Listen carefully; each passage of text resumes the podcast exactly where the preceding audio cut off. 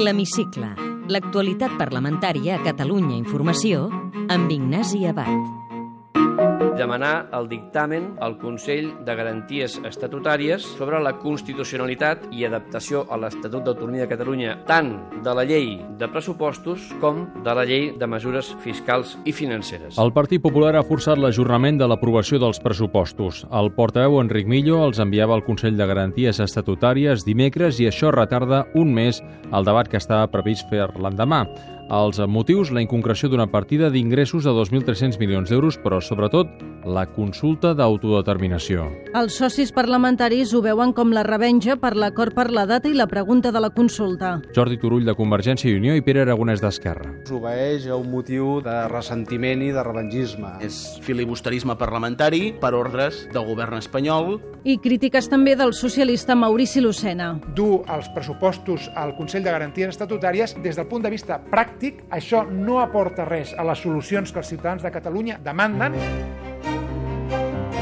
Arran de la impugnació dels pressupostos pel 2014, la líder del PP català, Alicia Sánchez Camacho, feia aquest advertiment al president d'Artur Mas a la sessió de control. No li permetrem que vostè destini ni un sol euro a una consulta il·legal i que es gasti 5 milions d'euros del pressupost dels catalans per fer una consulta il·legal. Mas retreu a la líder del Partit Popular català la negativa del president espanyol a parlar del referèndum. I ara, quan resulta que hi ha més d'un 60% d'aquest Parlament que acorda una consulta democràtica, la primera reacció que se sent del president Rajoy, quina és? No habrá consulta, no habrá negociació.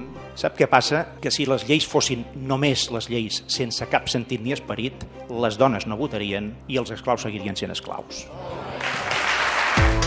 Per nosaltres, quan abans millor, i no tindríem cap inconvenient en què es fes fins i tot abans de final de mes, en un ple específic. L'ecosocialista Dolors Camats deixava entreveure dimarts l'acord de dimecres amb Convergència i Unió, Esquerra i la CUP per celebrar un ple extraordinari el 16 de gener sobre la via de la consulta. Primer es demanarà al Congrés convocar-ho com a referèndum. Si això no és possible, es pot vehicular a través de la llei de consultes populars en fase de ponència. El convergent Josep Rull explicava a Catalunya Informació dues novetats del text. El registre de població de Catalunya de l'IDESCAT a partir dels padrons municipals serà la base per poder votar al Principat. I pels catalans a l'estranger es preveu un registre voluntari. És voluntari, sí, sí. I la participació la comptarem en relació a aquells que prèviament s'hi hagin inscrit. Justament sobre el cos de votants de la consulta, Carina Mejías, de Ciutadans, interpel·lava així la vicepresidenta Joan Ortega dimecres. No con mis datos. Con mis datos no lo hará ni con lo de ninguno de los miembros de mi grupo y de otros muchos ciudadanos de Cataluña que no piensan ceder sus datos personales para que ustedes convoquen una consulta absolutamente ilegal. Que el procediment de la consulta no és un procediment electoral i, per tant, no es pot parlar d'un cens electoral. Facin el favor en aquest sentit tampoc de confondre, no?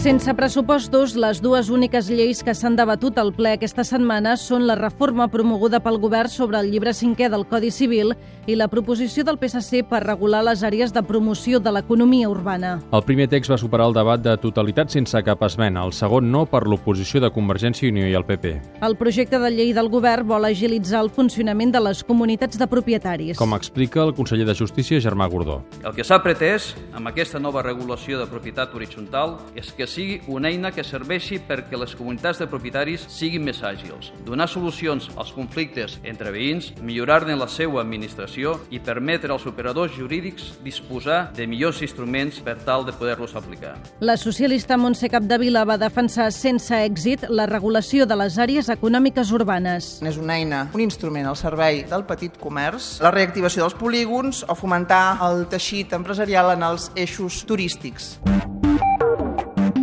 I hem acabat les votacions de l'informe de la Comissió d'Estudi dels Models de Seguretat i Ordre Públic i de l'ús de material antiavalot. L'últim ple del 2013 ha validat la prohibició de les bales de goma a partir del 30 d'abril de l'any que ve, com es va aprovar en comissió fa més i mig. Amb els vots a favor de Convergència i Unió, Esquerra i Ciutadans, en contra del Partit Popular i l'abstenció del PSC i la CUP. Les conclusions de la comissió d'estudi comprometen el govern a crear un protocol per indemnitzar les víctimes, com explica la republicana Gemma Calvet. La capacitat de l'administració d'actuar d'ofici per rescabalar sempre, amb independència de les accions judicials i garantint els drets de les accions judicials a totes aquelles víctimes que ho han estat per responsabilitat objectiva. David Fernández de la CUP celebra la prohibició de les pilotes de goma. Però creu que arriba massa tard. No calia cap comissió. Si tenim un estri que deixa persones cegues, es prohibeix i punt i final.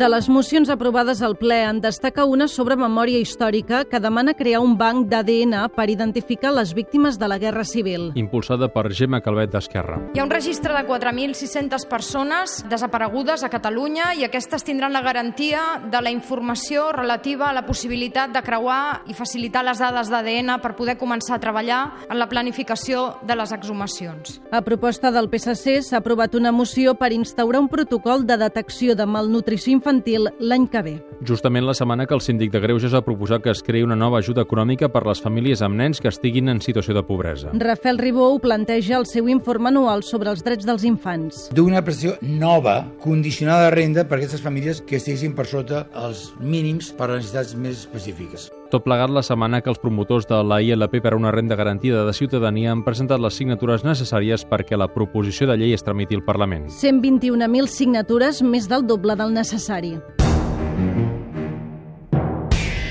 El debat parlamentari acostuma a escalfar-se quan s'acaba l'últim ple del període de sessions. I dijous no va ser una excepció. Tot plegat arran d'una moció del PP per demanar la destitució de Jaume Sobrequés com a director del Centre d'Història Contemporània arran del simposi Espanya contra Catalunya. que el ple va tombar. Sentim el popular Rafael López i la republicana Teresa Vallverdú. Eso es un canto a la xenofobia y al fanatismo, señor Homs. Si este señor tuviera un poco de dignidad y vergüenza, y si usted lo tuviera, dimitirían.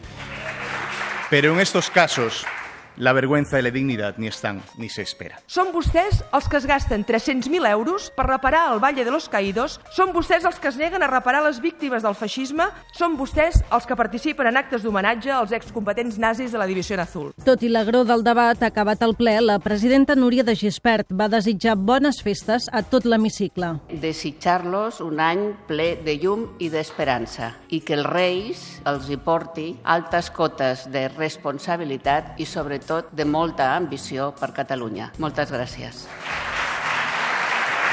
S'aixeca la sessió. De bon humor. Ja fa anys que s'ha perdut la tradició de diputats de diferents grups cantant Nadales després d'acabar l'últim ple de l'any. Però a l'hemicicle aquesta setmana semblava que alguns volien apuntar-s'hi. Senyor conseller, arribem al 25 de desembre i, com tot, en aquest govern de la Generalitat es converteix en fum com la tradicional Nadala. Aprengui, senyor conseller, del govern d'Espanya. No cal que esperem el fum, fum, fum, que vostè cantarà, i jo també, entusiàsticament, el dia 25. A 18 de desembre, fum, fum, fum, encara no hem rebut els diners de l'any 2013. Home, no tant i tant fum, fum, fum, fum, vagi cantant allà. No sé si n'hi dirà també una Nadala o, o a Belén Pastorés, però vaja, Té la paraula Gemma Calvet i Barot, diputada per Catalunya Sí, al grup d'Esquerra Republicana al Parlament de Catalunya. en una frase. Senyora Gemma Calvet, completi la frase. El 2014 serà l'any de... Del referèndum, El 9 de novembre es farà la consulta? sí, Aquesta legislatura serà tan curta com l'anterior? no necessàriament. Quan acabarà la crisi? Quan es fagin els canvis estructurals necessaris, i aquí Europa té molta feina, Quan acabaran les retallades? quan Catalunya tingui i disposi de les eines pròpies a nivell de finançament, es podran eh, prendre les decisions polítiques que puguin revertir aquestes mesures que s'ha- s'han aprovat. Contribueix personalment a pal·liar la pobresa? Faig el que puc. Ha estat mai a la cua de l'atur? No. Si es queda sense feina, quina és la primera porta que trucaria? com ho he fet en ocasions de canvis professionals, des de les eines pròpies, amb creativitat i d'emprenedoria.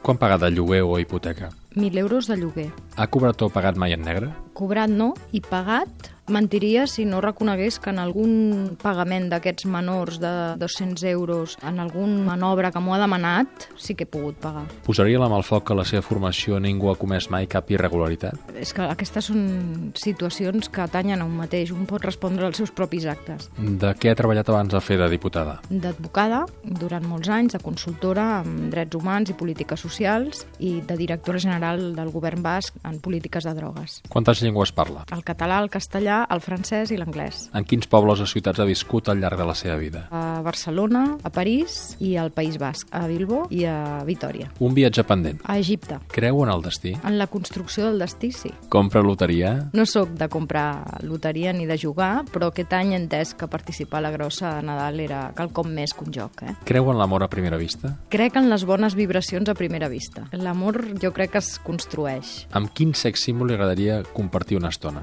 És que no sóc mit politòmana. M'hagués interessat compartir una estona amb Nelson Mandela, amb la Simone Weil. Quina és la pel·lícula de la seva vida? Un especial és Cinema Paradiso, Un quadre que l'apassiona. el crit, i m'agrada molt el postimpressionisme. I després eh, penso que el Guernica de Picasso és un gran quadre. Una obra de teatre d'impacte. Cinc hores com Mario, Una cançó que no es treu del cap. Alè, de Lluís Llach. Els esports els practica o els mira. Els miro. M'agrada el bàsquet, m'agrada la natació i el tennis. Quin plat cuina més bé? La lasanya de verdures m'agrada i també m'agrada fer estofats o mandonguilles de sèpia. Quan acaba un ple del Parlament, com desconnecta quan torna cap a casa? És que estan amb la meva filla i amb el gat i cuinant. Senyora Gemma Calvet, moltes gràcies. Gràcies a vostè. Podeu tornar a escoltar aquest programa i recuperar els anteriors a catradio.cat barra hemicicle.